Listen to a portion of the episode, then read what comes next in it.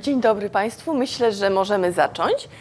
Ja się nazywam Joanna Zalipska i pracuję w Narodowym Centrum Badań Jądrowych w Warszawie i zajmuję się takimi fizyk- cząstkami elementarnymi jak neutrina. Ja tych cząstkach będę chciała Państwu dzisiaj opowiedzieć. Głównie chciałam się skupić na tym, czego nie wiemy, no ale zanim sobie powiemy, czego nie wiemy, to my musimy troszeczkę powiedzieć sobie, co to są te neutrina i, i troszkę co o nich wiemy, żebyśmy później mogli się dowiedzieć, czego jeszcze nam brakuje z wiedzy o neutrinach.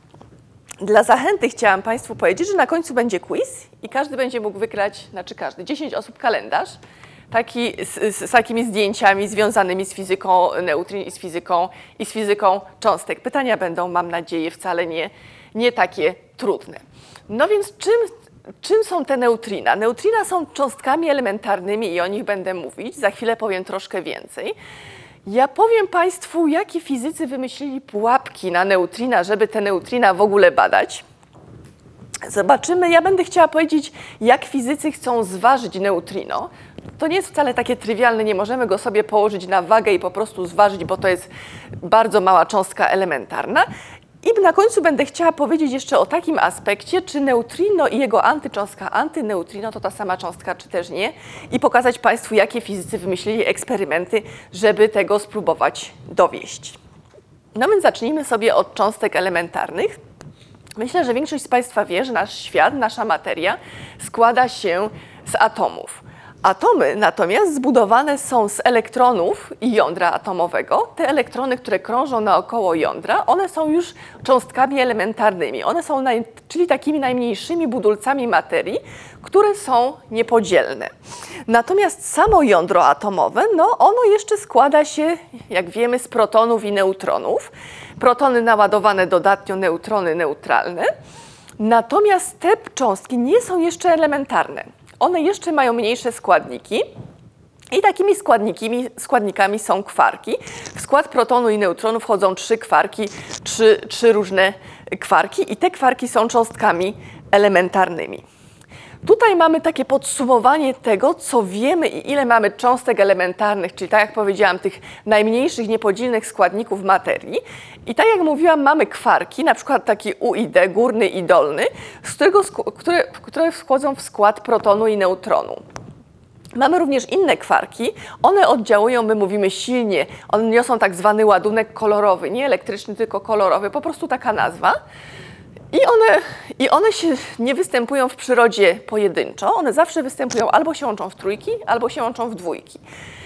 Inne cząstki elementarne, tak jak już powiedziałam, mamy, neutri- mamy elektron, czyli ten elektron krążący naokoło jądra elementarnego i on jest tak zwanym leptonem naładowanym. On ma swoich cięższych towarzyszy, cięższy lepton mion i jeszcze cięższy lepton taon, które są naładowane elektrycznie i one oddziałują, my mówimy w taki sposób elektromagnetyczny. I te leptony naładowane mają swoich towarzyszy neutralnych, które właśnie nazywamy neutrinami. I tak samo jak mamy elektron, mamy neutrino elektronowe, jak mion, mamy neutrino mionowe, taon, neutrino taonowe. Więc ja będę chciała Państwu powiedzieć właśnie o tych cząstkach, o tych neutrinach, które nie mają, nie mają ładunku elektrycznego. W związku z tym one, my mówimy, oddziałują słabo i bardzo, przez to bardzo trudno jest je złapać. Co my wiemy o tych naszych neutrinach? Jak już Państwu powiedziałam, mamy trzy te neutrina, elektronowe, mionowe i taonowe oraz ich antycząstki. Jak już powiedziałam, one nie niosą ładunku elektrycznego, czyli mają zerowy ładunek. I one bardzo niechętnie oddziałują z materią. Przykładowo neutrina powstają w Słońcu i jak takie te, typowo neutrino musi przeniknąć przez tyle ludzi z tyloma zerami, żeby w ogóle w tym człowieku oddziaływać, zderzyć się z materią w człowieku. Więc one rzeczywiście bardzo, bardzo niechętnie z tą materią oddziałują no i dlatego my tych neutrin nie czujemy, bo przez nas w ciągu sekundy przenika tryliony neutrin pochodzących ze Słońca i nie tylko ze Słońca. Ja później będę chciała Państwu powiedzieć o takiej własności neutrin, że one potrafią zmieniać swoją tożsamość, na przykład neutrino mionowe potrafi się, potrafi się przemienić w ten drugi rodzaj neutrina, neutrino taonowe bądź elektronowe. I my mówimy, że one oscylują, ale ja o tym Państwu opowiem przy okazji jednego z eksperymentów. Teraz chciałam powiedzieć, Skąd w ogóle biorą się neutrina i gdzie one występują we wszechświecie? No więc one występują bardzo licznie we wszechświecie.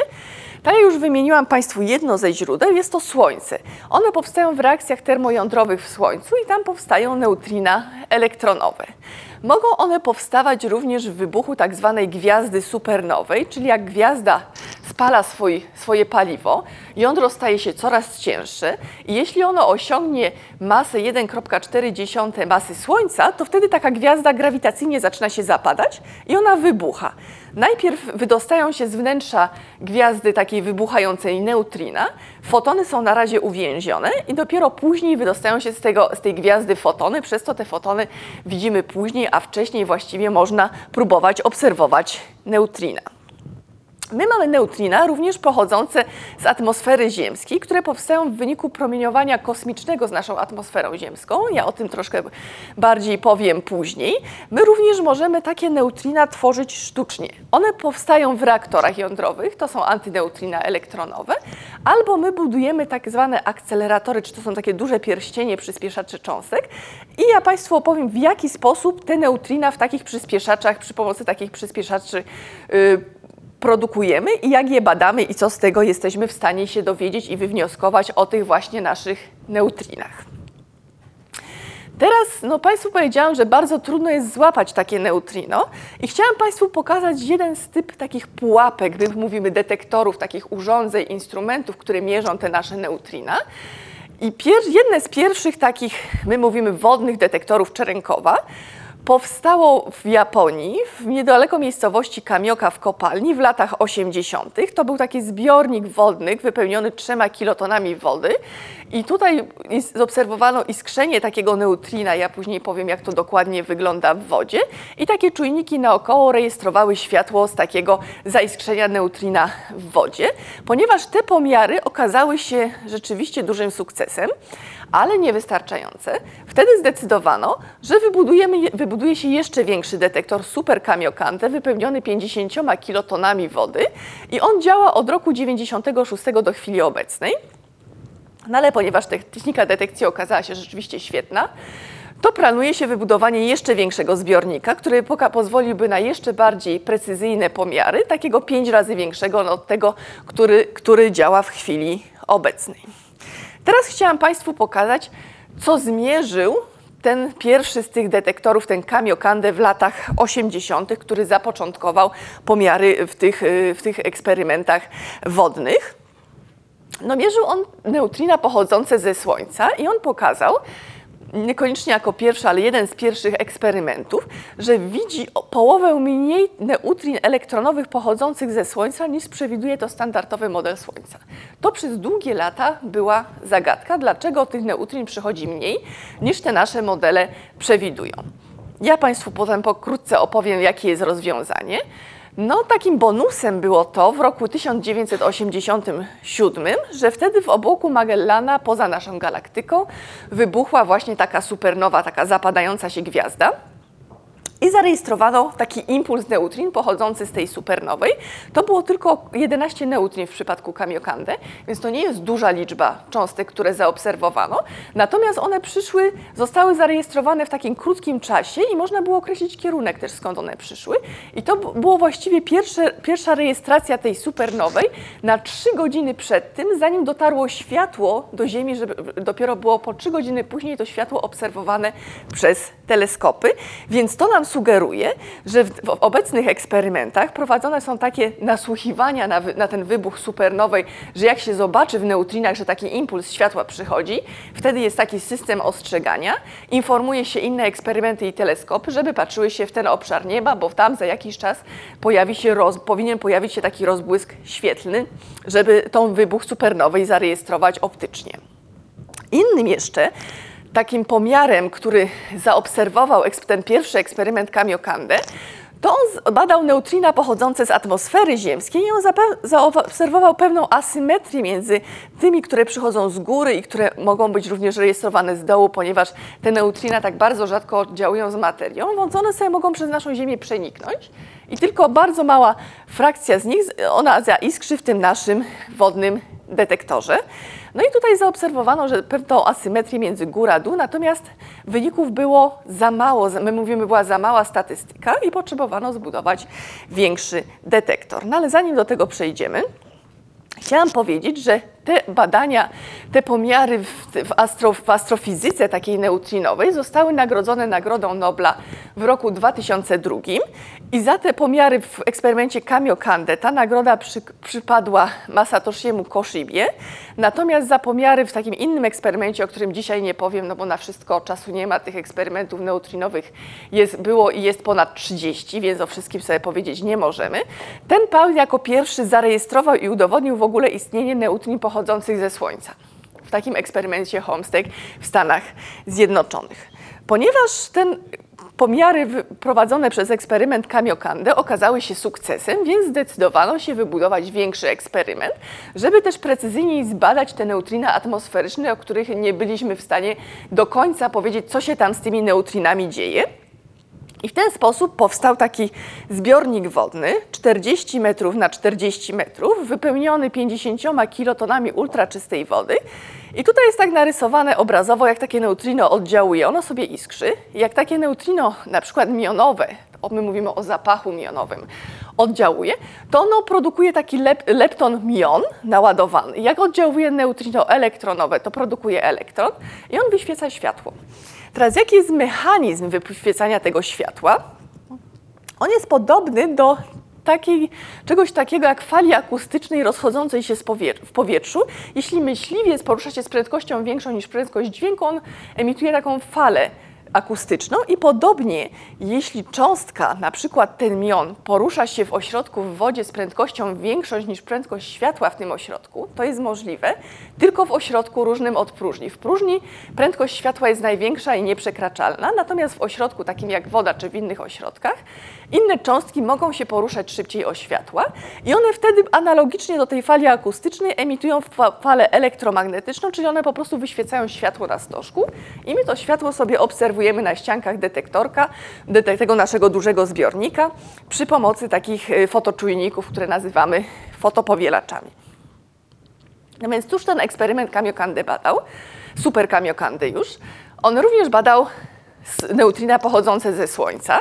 I tutaj mamy pokazane zdjęcie Słońca wykonane przy użyciu neutrin, nie przy użyciu fotonów taką zwykłą kliszą, tylko przy użyciu neutrin w tym naszym dużym zbiorniku, będąc kilometr pod ziemią. Czyli my jesteśmy w stanie wycelować w Słońce tymi neutrinami, bo one nam mówią, z jakiego kierunku przyszły neutrina, będąc kilometr pod ziemią i takie Słońce rzeczywiście tutaj jest taki obrazeczek zaobserwować. No i ten eksperyment też pokazał, że tych neutrin widzimy mniej niż przewiduje to ten model słoneczny. On jeszcze tej zagadki nie rozwiązał.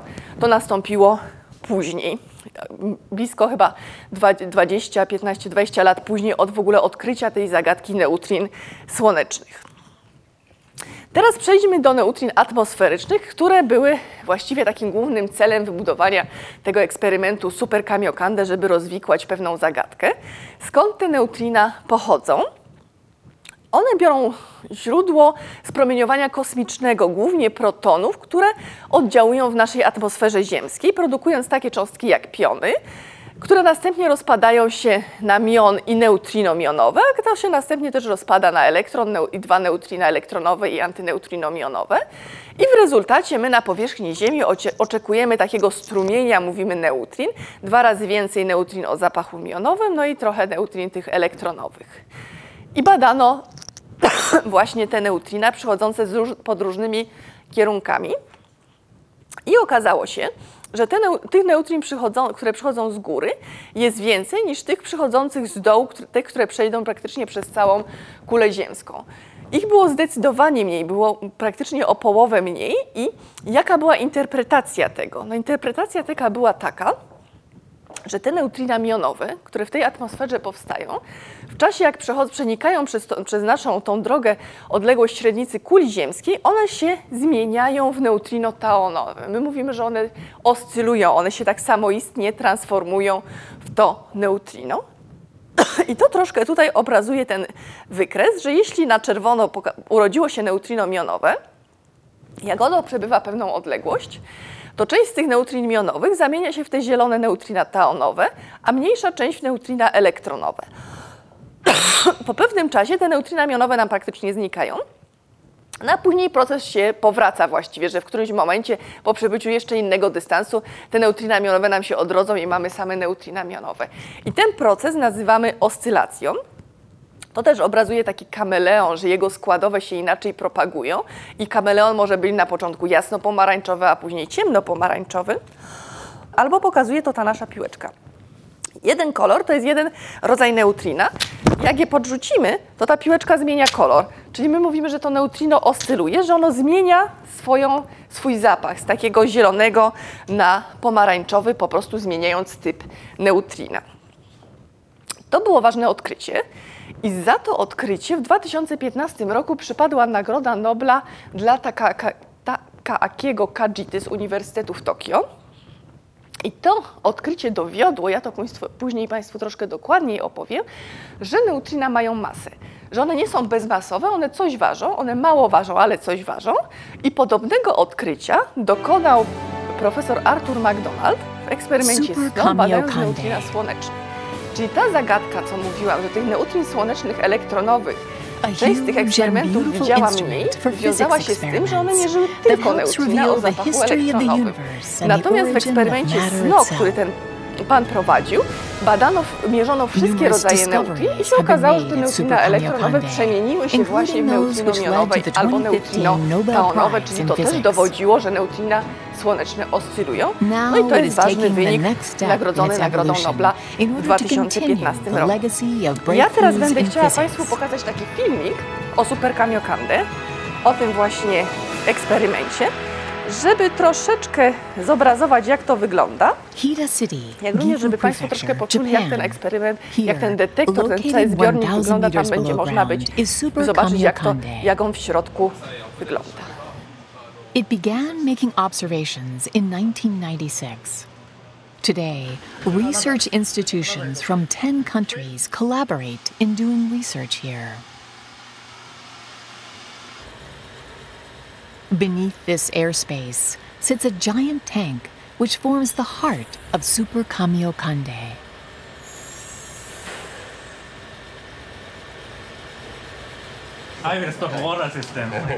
In the summer of 2018, the time had come for a major refurbishment of Super Kamiokande. The lid of the tank was open for the first time in 12 years.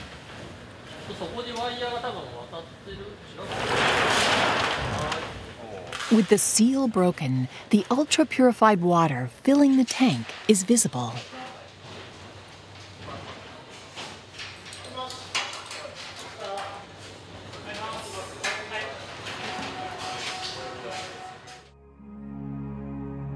Let's see what the tank looks like inside as the water is being drained.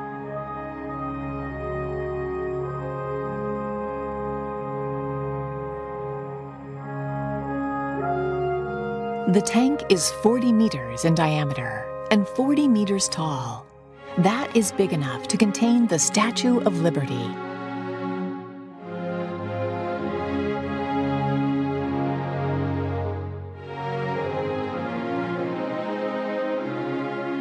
It is lined with optical sensors called photomultiplier tubes.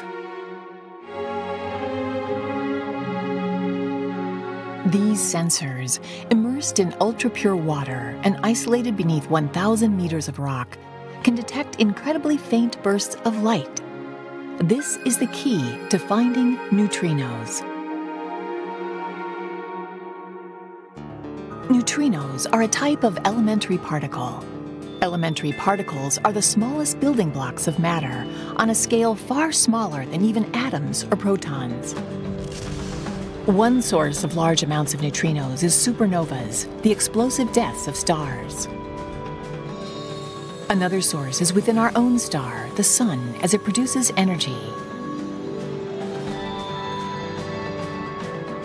In addition, cosmic rays from deep space passing through the Earth's atmosphere create showers of neutrinos. Even though we are constantly bombarded by vast numbers of neutrinos, most pass right through all matter in their path, making them tricky to detect. In fact, trillions of neutrinos pass through the palm of your hand every second. It is because neutrinos are so elusive that Super Kamiokande is located 1,000 meters underground. This shields the instrument from cosmic rays, which interfere with detecting neutrinos. A tiny fraction of neutrinos passing through Super Kamiokande's huge water tank interact with a water molecule, producing a faint burst of light called Cherenkov light. When this light is registered by the photomultipliers, the direction, energy, and type of the neutrino can be calculated.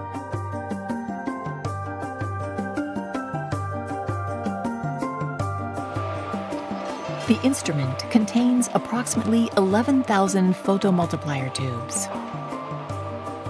At 50 centimeters in diameter, they are the biggest in the world, and so sensitive that they could detect the light from a flashlight as far away as the moon.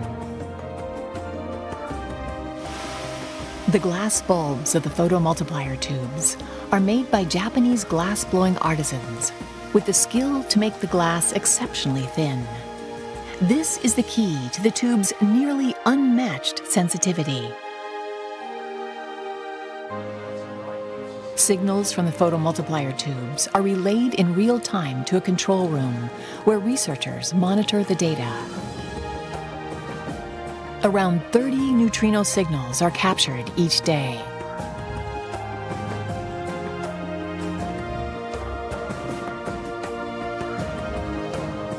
These neutrino observations have contributed to great scientific accolades. Professor Kajita, for the discovery of neutrino oscillation. In 2015, the Nobel Prize for Physics was awarded for the discovery of neutrino oscillation, which shows that neutrinos have mass.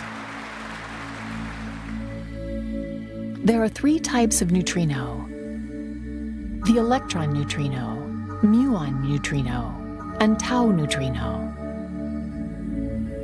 Scientists predicted that if neutrinos have non zero mass, they will change between the different types.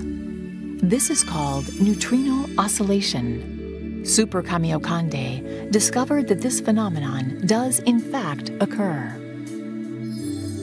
Super Kamiokande was used to study the number of muon neutrinos arising from cosmic rays colliding with the atmosphere. Some of these muon neutrinos come from the skies above Super Kamiokande, while others come from the skies on the other side of the Earth. In principle, the same number of neutrinos should be generated in the atmosphere on either side of the planet. And since neutrinos pass right through any matter, their numbers would not be reduced even by passing through the whole planet.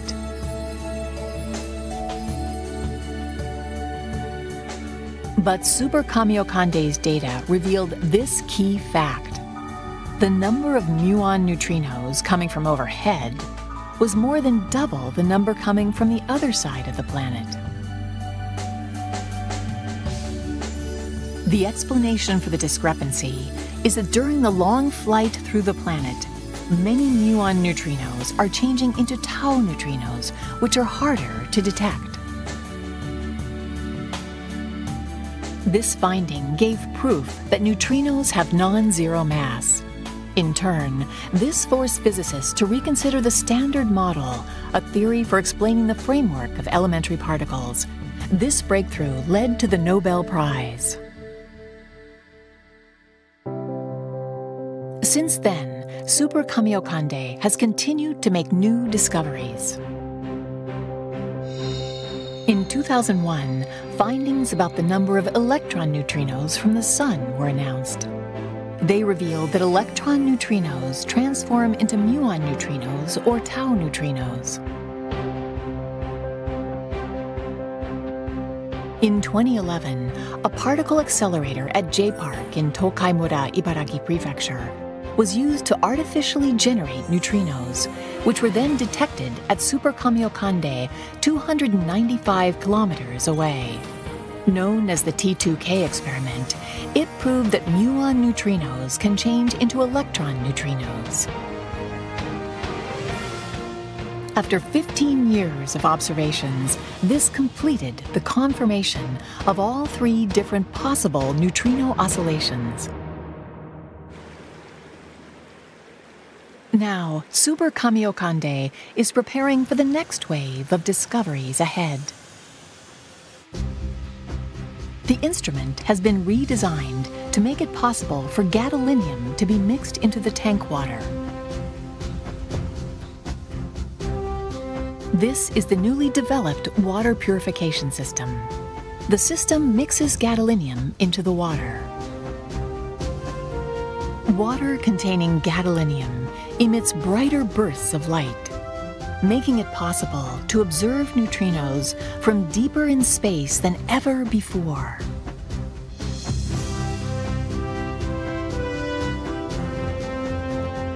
Since the birth of the universe, countless supernovas have taken place. Scientists think that these supernovas generated the matter that composes our own world, including our bodies. The vast number of neutrinos that these supernovas also generate continue to radiate through space. They are known as supernova relic neutrinos. By detecting supernova relic neutrinos, researchers plan to probe how the stars formed and where the matter we are made of originally came from. J-Park is used in another experiment to artificially generate neutrinos and antineutrinos. Then, Super Kamiokande probes subtle differences in their properties. CP violation is the phenomenon that this experiment investigates. There are also experiments not focused on neutrinos, like searching for instances of proton decay in the ultra purified water. If such an event were validated, it could open the door to proving grand unified theories of elementary particles. Super Kamiokande has a long and proud legacy probing the history of the universe and the origin of matter. Now it is taking the next steps to expanding that legacy in the years ahead.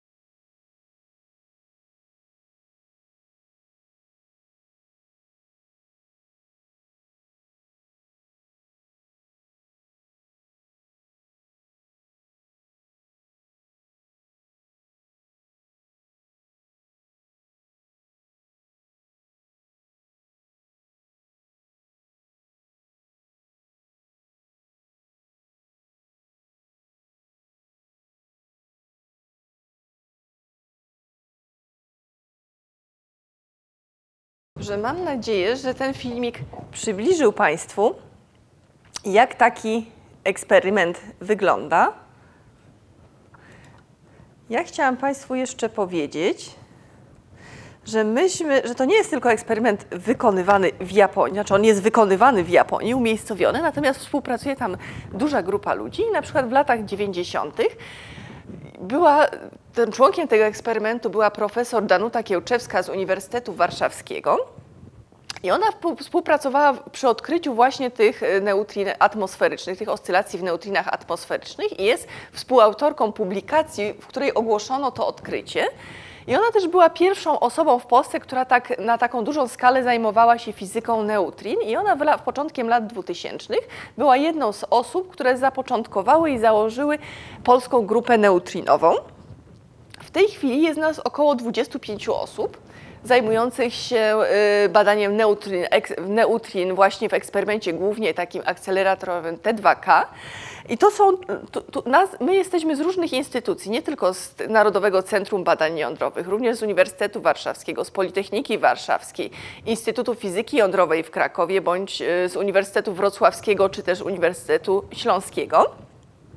I my razem bierzemy udział w takim eksperymencie akceleratorowym, tym na przyspieszaczu cząstek, takim T2K. Taki, pierwszy taki eksperyment nazywał się K2K i on miał miejsce końcem lat 90., początkiem 2000. Jak taki eksperyment działa? No więc w tym eksperymencie, tak jak Państwu powiedziałam, w takim przyspieszaczu pierścieniu przyspiesza się protony i następnie te protony kieruje się na taką grafitową tarczę, w której one się zderzają, produkując takie wtórne cząstki jak piony czy kaony. Następnie są magnesy, które wybierają takie piony o określonym ładunku, albo dodatnim, albo ujemnym, które z kolei, a i te piony z kolei rozpadają się na neutrina mionowe bądź antyneutrina mionowe, dając początek takiej sztucznie wyprodukowanej wiązce. I Tutaj badamy, bada pierwsze tak 280 metrów od początku wiązki, znajduje się taki bliski detektor dostarczający takich referencyjnych pomiarów jeszcze te, zanim cokolwiek stanie się z tymi naszymi neutrinami, a taki docelowy detektor znajduje się 300 kilometrów dalej i to jest właśnie ten detektor Super Kamiokande, ten duży zbiornik wodny, który pozwala nam zbadać również oscylacje neutrin właśnie patrząc na tą wiązkę sztucznie produkowanych neutrin w akceleratorze. Tak jak powiedziałem Państwu, pierwszym takim eksperymentem był eksperyment K2K i on potwierdził, że rzeczywiście to, co widać w neutrinach atmosferycznych jest prawdą, że jak my sztucznie sobie wyprodukujemy tą wiązkę, to my widzimy takie same prawdopodobieństwo oscylacji, jak w przypadku tych neutrin atmosferycznych. I następnie te badania były prowadzone przez kolejne eksperymenty. W tej chwili dwa działające to jest ten T2K i NOWA. Ja Państwu powiem, co T2K zmierzyło. W 2011 roku ten eksperyment udowodnił, że neutrina mionowe mogą się też przemienić w neutrino elektronowe. I to było, obserwowano taką nadwyżkę y, oddziaływań tych neutrin elektronowych w tym dalekim detektorze Super Kamiokande i przy tą nadwyżkę właśnie interpretowano jako tą przemianę, transformację neutrina mionowego w elektronowe. To był rok 2011. Co nas interesuje w tej chwili? W tej chwili nas interesuje zbadanie, czy antyneutrina zachowują się dokładnie tak samo, czy też na przykład oscylują z trochę innym prawdopodobieństwem. Przez co patrzymy się, produkujemy wiązki antyneutrin mionowych i patrzymy się, czy te na antyneutrina elektronowe się pojawiają. One się pojawiają, ale czy ta oscylacja to prawdopodobieństwo jest takie same jak w przypadku neutrin, czy też nie? No tutaj nie ma jeszcze rozstrzygającego wyniku. Są takie sugestie, ten nasz eksperyment pokazuje, że, że rzeczywiście to nie jest tak samo, że to prawdopodobieństwo nie jest takie same. Natomiast, żeby rzeczywiście jednoznacznie coś na ten temat powiedzieć, należałoby wybudować większy detektor, bardziej intensywną wiązkę i rzeczywiście pięć razy większy zbiornik wodny, tak żeby my musimy zgromadzić większą statystykę, zebrać więcej tych oddziaływań neutrin, żeby być bardziej konkluzywnym.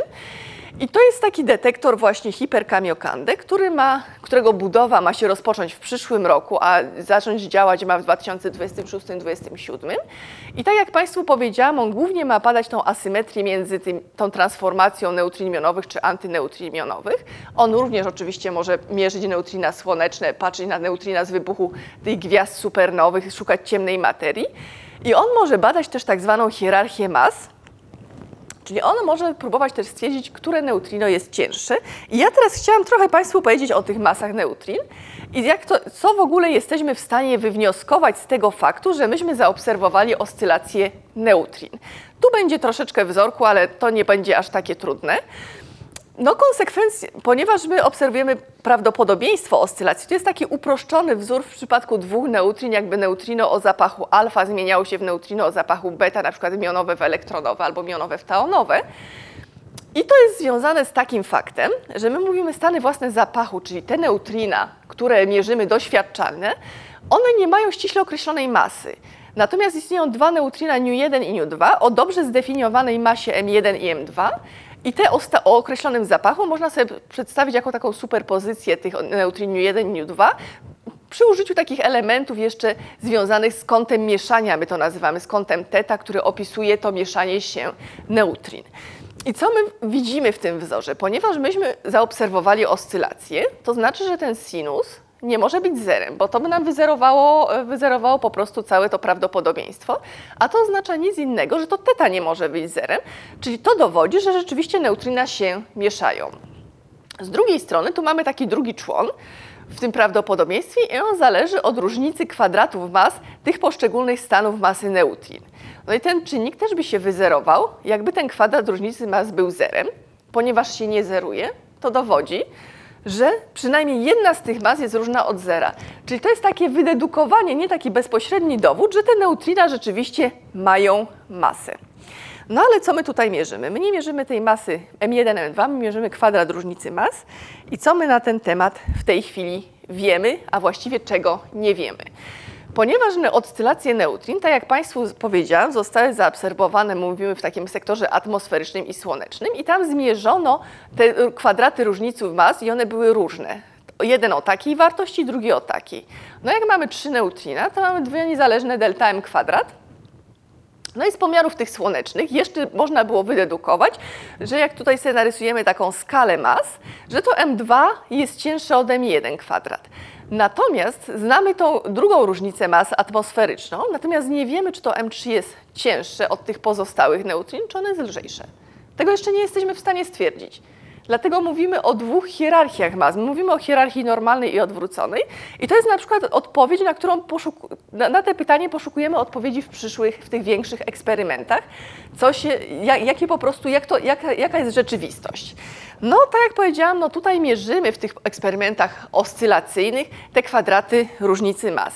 Ale tak naprawdę chciałoby się też wiedzieć, jaka jest masa tych poszczególnych składników. I są inne eksperymenty, o których Państwu teraz będę chciała powiedzieć, które próbują, one jeszcze nie zważyły tych neutrin, ale one wyznaczyły takie limity na masę i one może być z kosmologii i z takich rozpadów, o których później powiem. I my jesteśmy w stanie powiedzieć, że to neutrino musi być lżejsze niż takie wartości. My tą masę podajemy tutaj no nie w kilogramach, tylko w takich jednostkach energii elektronowoltach. I tutaj jest pokazana skala mas w ogóle cząstek elementarnych. Tu mamy masy kwarków, tych, z których zbudowany jest proton i elektronu, który krąży wokół jądra. Tutaj mamy masę innych kwarków i tych cięższych mionów. A tutaj na tej skali wiele, wiele rzędów wielkości niżej są te limity na masy neutrin. Czyli te neutrina w jakiś nie wiadomo dlaczego sposób są znacznie lżejsze niż te pozostałe cząstki elementarne. To też jest pewna zagadka i jeszcze nie znamy na to dokładnie odpowiedzi, tym bardziej, że my jeszcze dokładnie nie wiemy, ile ten, jak te neutrina, ile, jaką one mają masę. I teraz chciałam Państwu powiedzieć, w jaki sposób te masy wyznacza się w różnych eksperymentach. Zacznijmy od tych kosmologicznych eksperymentów. Na orbicie ziemskiej krąży teleskop Planck i on mierzy promieniowanie mikrofalowe tła. Cóż to takiego jest to promieniowanie mikrofalowe? Przypuszczam, że większość z Państwa wie, że istnieje taka teoria, że nasz wszechświat zaczął się od wielkiego wybuchu. Na początku była taka zupa gęstych różnych cząstek i wszechświat był wypełniony promieniowaniem, które, z tymi, które to promieniowanie z elektronami tam oddziaływało. Natomiast w momencie, jak wszechświat zaczął się oziębiać i rozszerzać, to elektrony zaczęły być wychwytywane przez protony i jądra i zaczęły tworzyć jądra pierwiastków, przez co te, te, to promieniowanie e, mikrofalowe gamma, ono nie miało już czym oddziaływać i ono po prostu zaczęło się w tej przestrzeni przemieszczać i ono się właściwie, jak wszechświat się rozszerza, to to promieniowanie cały czas w tym, w tym wszechświecie istnieje i ono się przez ten wszechświat propaguje. I to promieniowanie właśnie mierzy teleskop Planck, a tak w takiej całej sferze dookoła kuli ziemskiej, po prostu patrząc na, na to, co widzimy w niebie. I on patrząc, patrząc się na takie niejednorodności, drobne fluktuacje w tym promieniowaniu, wyzna można wyznaczyć różne parametry opisujące kosmologię i ten model wszechświata. Można również między innymi powiedzieć, wyznaczyć ograniczenie na sumę tych poszczególnych składników mas neutrin, czyli że to ma być mniejsze od 0,17 elektronowolta. To jest dość mocne ograniczenie. No i no, jeszcze dodatkowo tu można coś wydedukować na, te, na temat tego, ile mamy neutrin i tu pokazuje, że mamy ich trzy. Wynik pokazuje, że mamy trzy neutrina, czyli rzeczywiście te elektronowe, mionowe i taonowe. No bo właściwie można by się zastanawiać, czy ich nie ma więcej, prawda? No więc to jest, to jest kosmologia. Teraz chciałam Państwu pokazać inny przykład eksperymentu, bazujący na tak zwanym rozpadzie beta. rozpad to jest samoistne przekształcenie się jądra atomowego. Na przykład jak mamy takie jądro trytu, czyli takiego ciężkiego wodoru, który ma proton w jądrze i jeszcze dodatkowo dwa neutrony, to może się okazać, że jeden z neutronów, on się zamieni w proton i wyemitowany zostanie elektron i antyneutrino elektronowe. I to jest właśnie tak zwany rozpad beta. I część energii unosi to nasze neu- antyneutrino elektronowe, ale jak powiedziałam, je jest bardzo ciężko zarejestrować, więc ich właściwie nie widzimy. Natomiast my sobie możemy rejestrować te elektrony wychodzące z jądra i patrzeć się na rozkład energii, tych energii unoszonej przez te elektrony. I w przypadku, że gdy neutrino ma zerową masę, ten rozkład jest właśnie ten niebieski, co pokazuje ta niebieska krzywa. Ponieważ gdy neutrino ma jakąś masę różną od zera, to ono zmodyfikuje koniec tego rozkładu. Czyli my w jakiś sposób, tutaj pokazane na czerwono jest rozkład, ten rozkład energii w przypadku, gdy neutrino waży pół elektronowolta, a na zielono, gdy waży 1 elektronowolt. Czyli my patrząc na ten rozkład energii, chcemy sobie wydedukować, jakie to neutrino ma masę.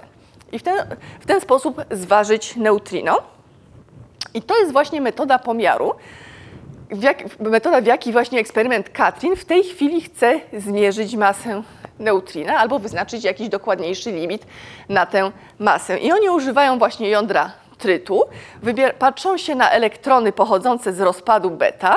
Następnie tutaj jest taki spektrometr, to jest nic innego jak taki filtr na elektrony, który wybiera tylko elektrony o najwyższej energii, ponieważ my się chcemy patrzeć na neutrina, na ten koniec rozkładu energii neutrin, elektronów, nie neutrin, tylko elektronów i chcemy wydedukować tą masę neutrina i następnie te wysokoenergetyczne elektrony są mierzone w detektorze. Ten eksperyment nie tak dawno zaczął zbierać dane, jego bardzo długo przygotowywano i on jeszcze nie ma wyników. Natomiast co on może zmierzyć? On może zmierzyć tak zwaną efektywną masę neutrina, czyli takie, taką sumę składowych tych poszczególnych e, stanów masy neutrin. Obecny wynik eksperymentalny, który używa tej samej metody pomiarowej, to jest, to jest tak, taki limit.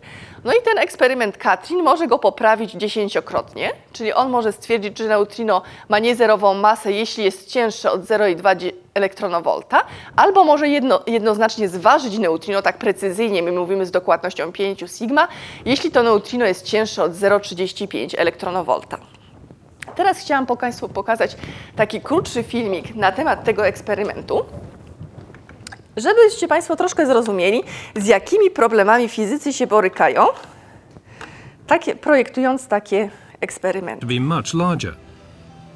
The huge spectrometer tank posed a very special challenge to the engineers. The tank was built in Deggendorf in Bavaria by a company specializing in physical plant engineering. A special low radioactivity steel was used. The precision required for assembling the individual components could only be guaranteed at the manufacturer's site. Assembling the separate components on site in Karlsruhe would have delayed the project by two years, requiring the construction of a new assembly hall. The spectrometer tank was thus built 400 kilometers away from Karlsruhe in Deggendorf. Transportation over land was not feasible due to insurmountable obstacles. The tank was too large and too heavy to be transported through Germany by road.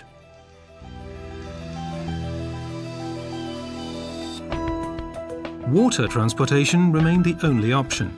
On September the 28th, 2006, the tank began its journey on a river barge along the River Danube.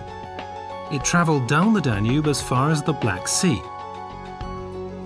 The journey continued on a seagoing vessel, firstly into the Mediterranean, then through the Straits of Gibraltar into the Atlantic and up to Antwerp.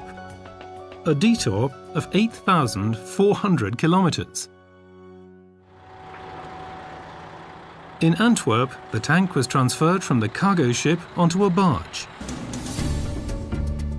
Travelling upstream along the River Rhine as far as the harbour of Eggenstein Leopoldshafen near Karlsruhe, where Europe's largest mobile heavy duty crane lifted the spectrometer tank, placing it onto a special self propelled transporter.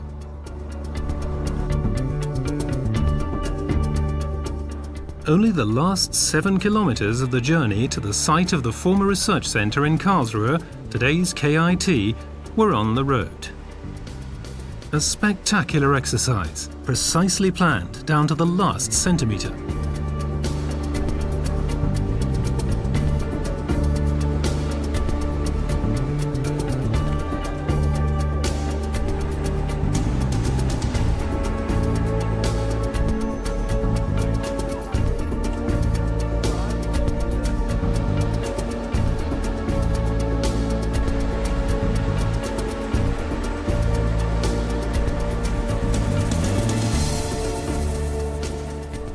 After a journey lasting over eight weeks, the spectrometer finally arrived at the research centre.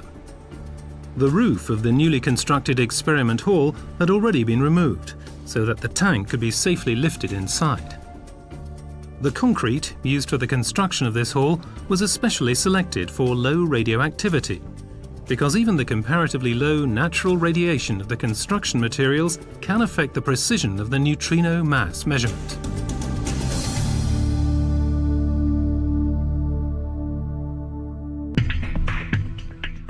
Katrin experiment will investigate the radioactive decay of gaseous tritium, a heavy hydrogen isotope, more precisely than ever before. During a so called beta decay, a neutron transmutes into a proton, an electron, and a neutrino.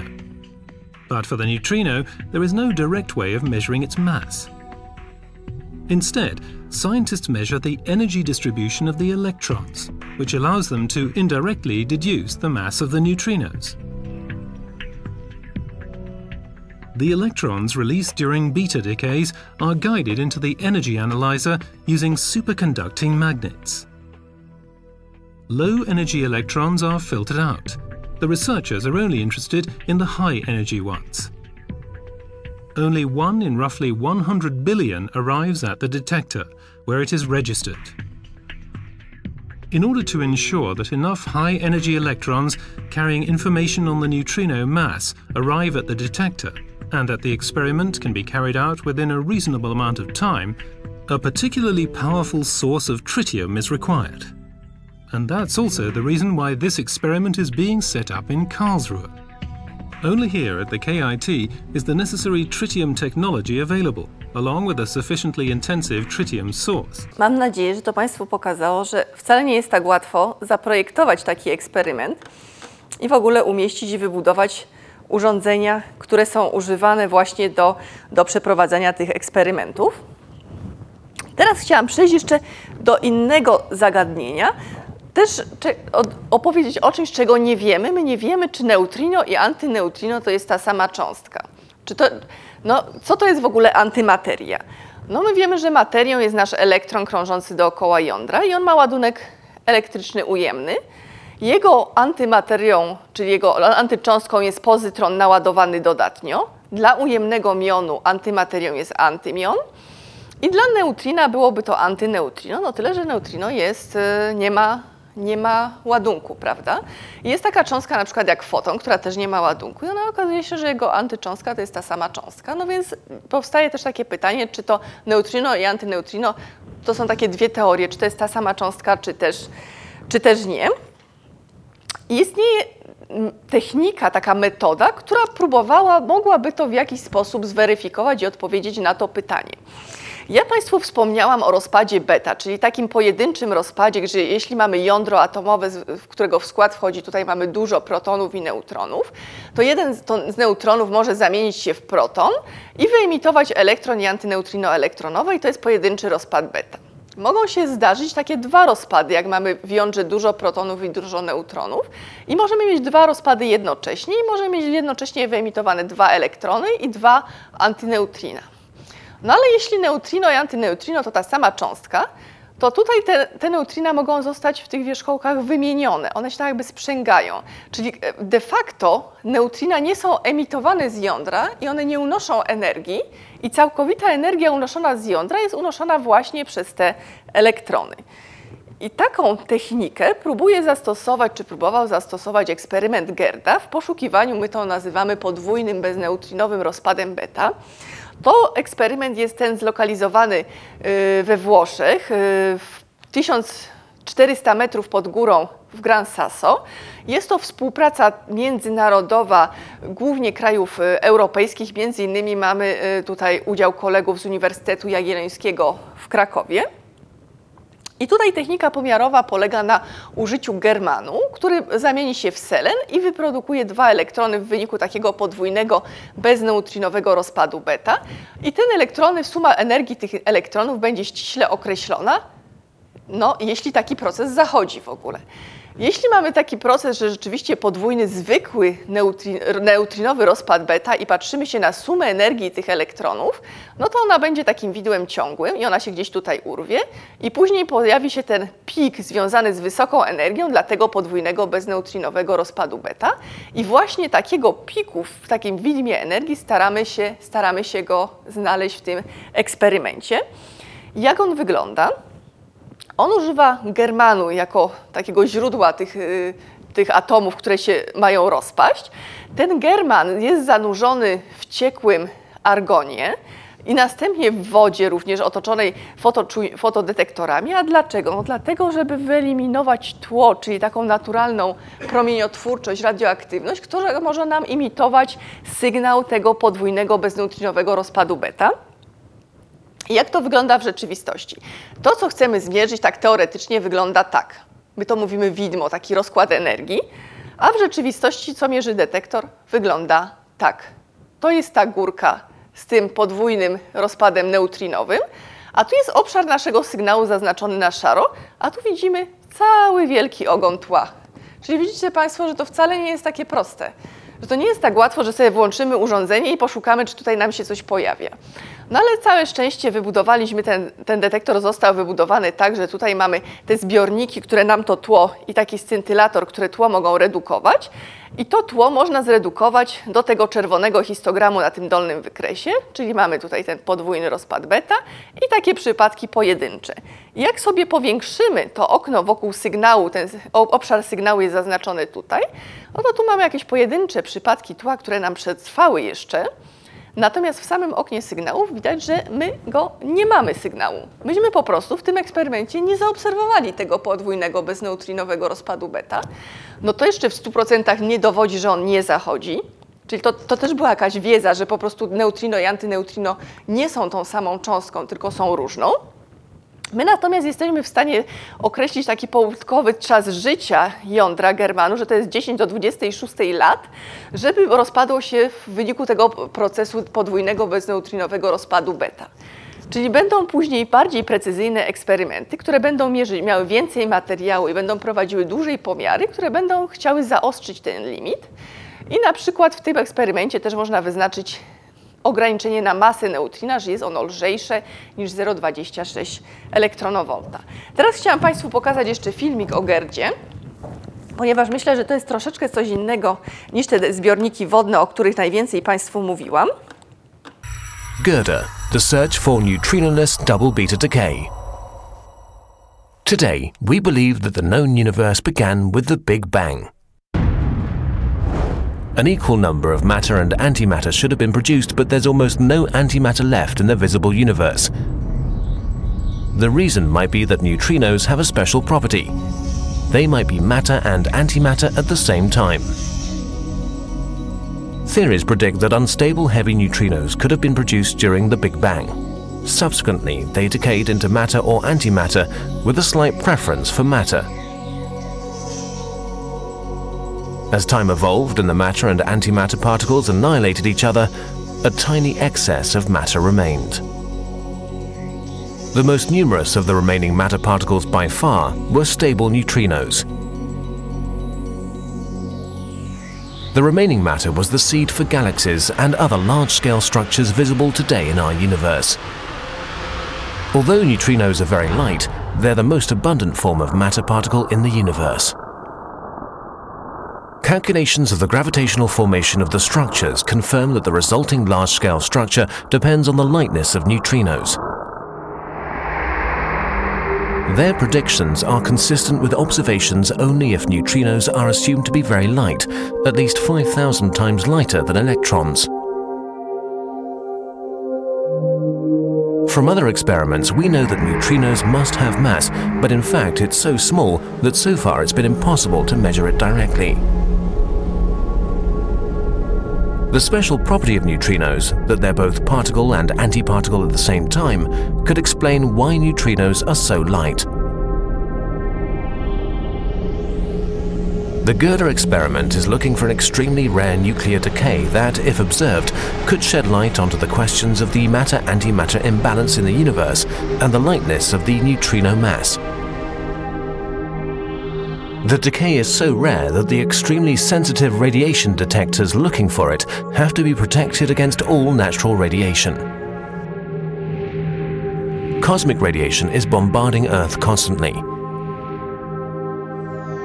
This is why the Gerda experiment is located in the Gran Sasso National Underground Laboratory in Italy, in one of its three experimental underground holes, covered by 1,400 meters of rock.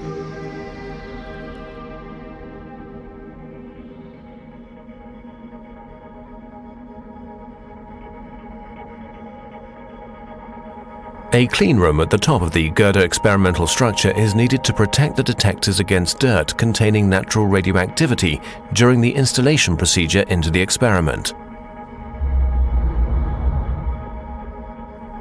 When the few cosmic particles that still reach the laboratory traverse the water tank, they emit light that can be detected, thereby allowing identification of this background. This is important as such particles could fake double beta decay in our detectors. Purified water shields the inner parts of the experiment from natural radiation present in the lab. The inner volume of the experiment is defined by a tank filled with liquid argon. The minus 185 degrees Celsius cold liquid shields the germanium detectors at the center of the tank from the very small amount of radiation emitted from the vessel walls. The location of the detectors is designed to be one of the most radiation-free spots on Earth. The detectors are made out of germanium that may decay by neutrinoless double beta decay. The detector itself detects its own decay, which is however so rare that less than one decay per detector per year is expected. Neutrino-accompanied double beta decay is a standard process. Two neutrons, here red, of the nucleus decay at the same time into two protons, here white. Two electrons and two neutrinos are released. The neutrinos are so elusive that they escape the experiment without being detected. If neutrinos are their own antiparticles, they could cancel each other out in the decay. Two neutrons decay at the same time into two protons. Only the electrons are released. The full energy released in the decay is absorbed by the detector as there are no neutrinos escaping. Thus the signal is expected at a very well-defined energy. Neutrino-less double beta decay could reveal a fundamental property of the neutrino. That is, if it's its own antiparticle, and thereby have profound implications for our understanding of the creation of matter and its structures.